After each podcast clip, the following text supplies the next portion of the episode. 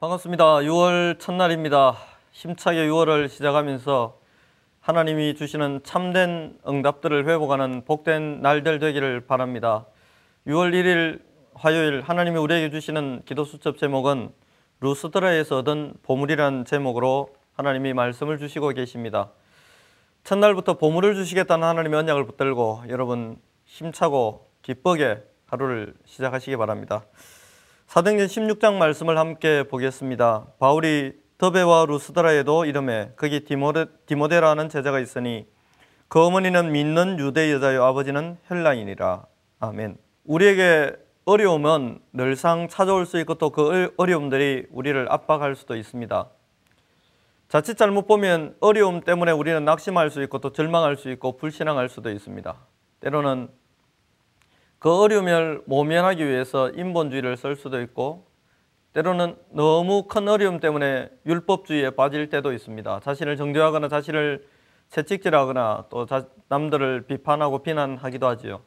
그런데 오늘 저와 여러분 이 본문 말씀을 통해서 그러한 과거의 습성들을 버리는 그런 축복의 복된 날이 시작되어야 되겠습니다.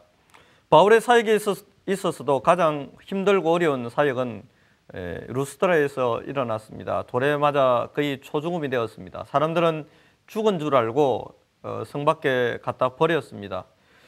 그런 어려움을 겪었던 바울이 루스트라에서 굉장한 축복을 받았습니다. 디모데라는 제자를 만난 것입니다. 바울 사후에 계속되는 전도 운동을 이끌어갈 참된 영적인 아들 같은 제자를 바울은 그 어려움과 고통 속에서 만나게 된 것이지요. 만일 저와 여러분이 이러한 영적인 결단을 하고 하나님 앞에 선다면 하나님은 저와 여러분에게도 동일한 응답과 축복을 허락해 주실 것입니다. 믿음의 결단을 할 때 허감이 꺾이고 사단의 근세가 무너지고 우리의 눈에 하나님의 중요한 응답을 보는 계기가 시작될 수 있을 것입니다. 첫 번째입니다. 만남의 축복입니다. 하나님은 우리에게 만남을 통한 응답과 축복들을 예정해 놓으시고 또 예배해 놓으셨습니다. 얼마 전에 청년 한 명이 오랜만에 교회에 나온 청년을 만났습니다. 그 청년을 만나서 잠깐 어, 대화를 하는 가운데 이 청년에게 제안을 했습니다. 출근길에 다락방을 하자. 너무 오랜만에 왔으니까 그렇게 하자고 하니까 이 친구가 선뜻 그렇게 하기로 했습니다. 그 작은 만남이었습니다. 작은 순간의 만남이었는데 지금 그 만남이 전도로 연결되고 있습니다. 이 친구가 전도자의 눈을 갖게 되고 이 친구가 전도 제자의 걸음을 걷게 되고 이 친구가 매주 하는 포럼 속에 말씀과 기도와 전도 포럼이 되어지는 응답들을 하나님은 회복시켜 주셨습니다. 작은 만남이지만 그 만남 속에는 하나님의 영원한 계획이 숨어 있습니다. 빌립과 권세 있는 내시와의 만남입니다. 그 작은 만남을 통해서 하나님은 한 시대 최고의 응답을 에디오피아라는 나라에서 시작하셨습니다. 어떻게 해서 요셉이 왕을 만날 수 있었습니까? 겉으로 보면 요셉은 굉장한 어려움의 과정을 거쳐서 왕을 만나게 되었습니다. 그런데 그 만남 속에 하나님의 축복의 계획이 숨겨져 있었습니다. 보디발 아내가 누명을 씌우지 않고 그를 감옥으로 보내지 않았다면 어떻게 되었을까요? 지금 저와 여러분이 겪는 어려움 속에 하나님은 엄청난 만남의 축복들을 허락해 놓으셨습니다. 혹시 여러분에게 해를 끼치거나 어려움을 당하게 하는 사람이 있습니까? 그 사람은 하나님의 절대 주권 속에 있는 하나님의 도구에 불과합니다. 그 일을 통해서 하나님이 이루실 일들에 대한 기대를 가지게 되는 복된 축복의 시간 되기를 바랍니다. 두 번째입니다. 제자와의 만남입니다. 하나님은 그 응답 속에 제자와의 만남을 허락해 놓으셨습니다. 좀 전에 제가 말씀드렸던 이 친구를 어, 교회로 인도했고 또 이 친구의 가이드가 되어주는 친구가 있습니다. 이 친구를 조장으로 세웠습니다. 아침에 일찍 저희 집으로 오게 했습니다. 이 친구를 태우고 이 친구 집으로 가서 어, 다락방할 친구를 태우고는 어, 움직이고 있습니다. 그런데 이 친구와 다락방을 하고 돌아오는 길에 조장으로 세운 친구와 청년과 대화를 하는데 이 친구가 전도자라는 것을 저는 발견하게 되었습니다. 하나님은 현장 구석구석에 여러분 시간표 스케줄 구석구석에 또 문제와 어려움 속에 시대 최고의 제자들을 예배해 놓으셨습니다.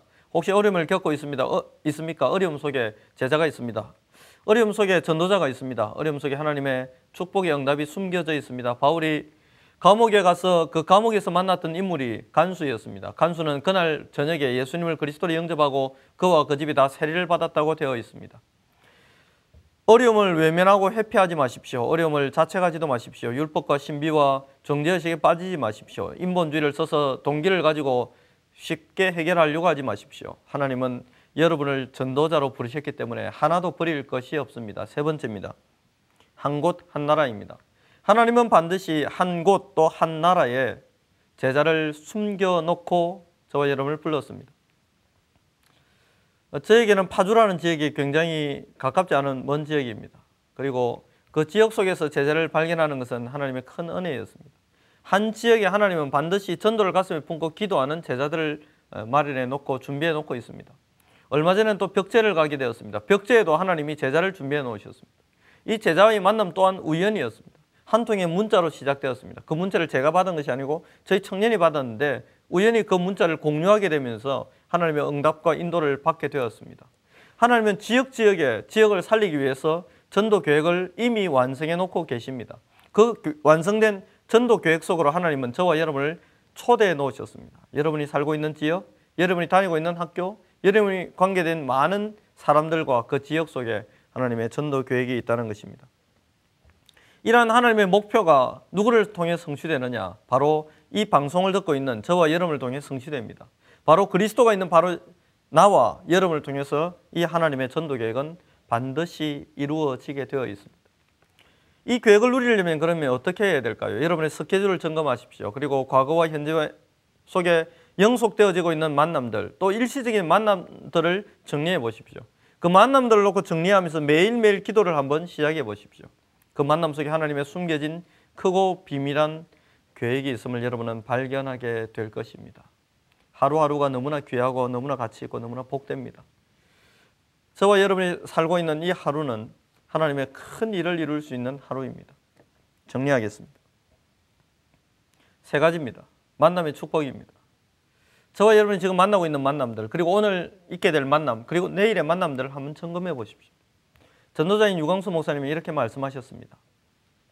내일의 만남의 스케줄을 놓고 하루 전날 오후에 전도 자료를 준비하고 기도하고 점검해 보라고 하셨어요. 내일의 만남 속에 하나님의 절대적인 계획이 있습니다. 왜 그렇습니까? 그 하나님이 바로 저와 여러분과 임마누엘 하시고 동행하시고 24시간 함께 하시기 때문에 그렇습니다. 하나님의 계획 속에 최고의 계획은 전도 계획입니다. 그 전도 계획이 여러분의 인생 속에 있습니다.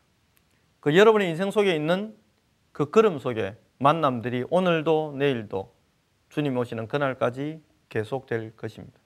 이러한 만남 속에는 제자와의 만남의 계획이 있고 그 제자와의 만남을 통해서 하나님은 한 나라, 한 지역을 살리는 절대적인 하나님의 전도 계획을 완성해 가는 것이지요. 이러한 응답이 여러분의 인생 속에 있다는 것을 믿고 바로 기도를 시작하고 스케줄들을 점검하고 전도 자료들을 준비하는 은혜가 있기를 바랍니다. 오늘의 포럼을 나누겠습니다. 오늘은 하나님이 어떤 만남의 축복을 준비하셨을까요? 오늘 하루 성령의 인도를 세밀하게 받도록 중심으로 기도해 보세요. 전도를 하자는 것이 아닙니다. 전도자의 삶을 회복하자는 것입니다. 전도자의 삶을 회복하는 참된 기도가 시작되기를 그리스도 예수 이름으로 축복합니다. 기도하겠습니다. 하나님께 감사를 드립니다. 루스드라에서 바울은 가장 큰 고난을 당했지만 그가 그곳에서 제자를 얻고 만남의 축복을 누리고 한 나라와 한 지역을 살릴 만한 응답과 은혜를 받았던 것처럼 오늘 우리가 우리의 만남 가운데 문제 가운데 사건 가운데 일 가운데 어려움 가운데서 하나님의 절대적인 계획을 회복하는 응답을 누리게 하옵소서 감사드리며 살아계신 예수님의 이름으로 기도드립니다. 아멘.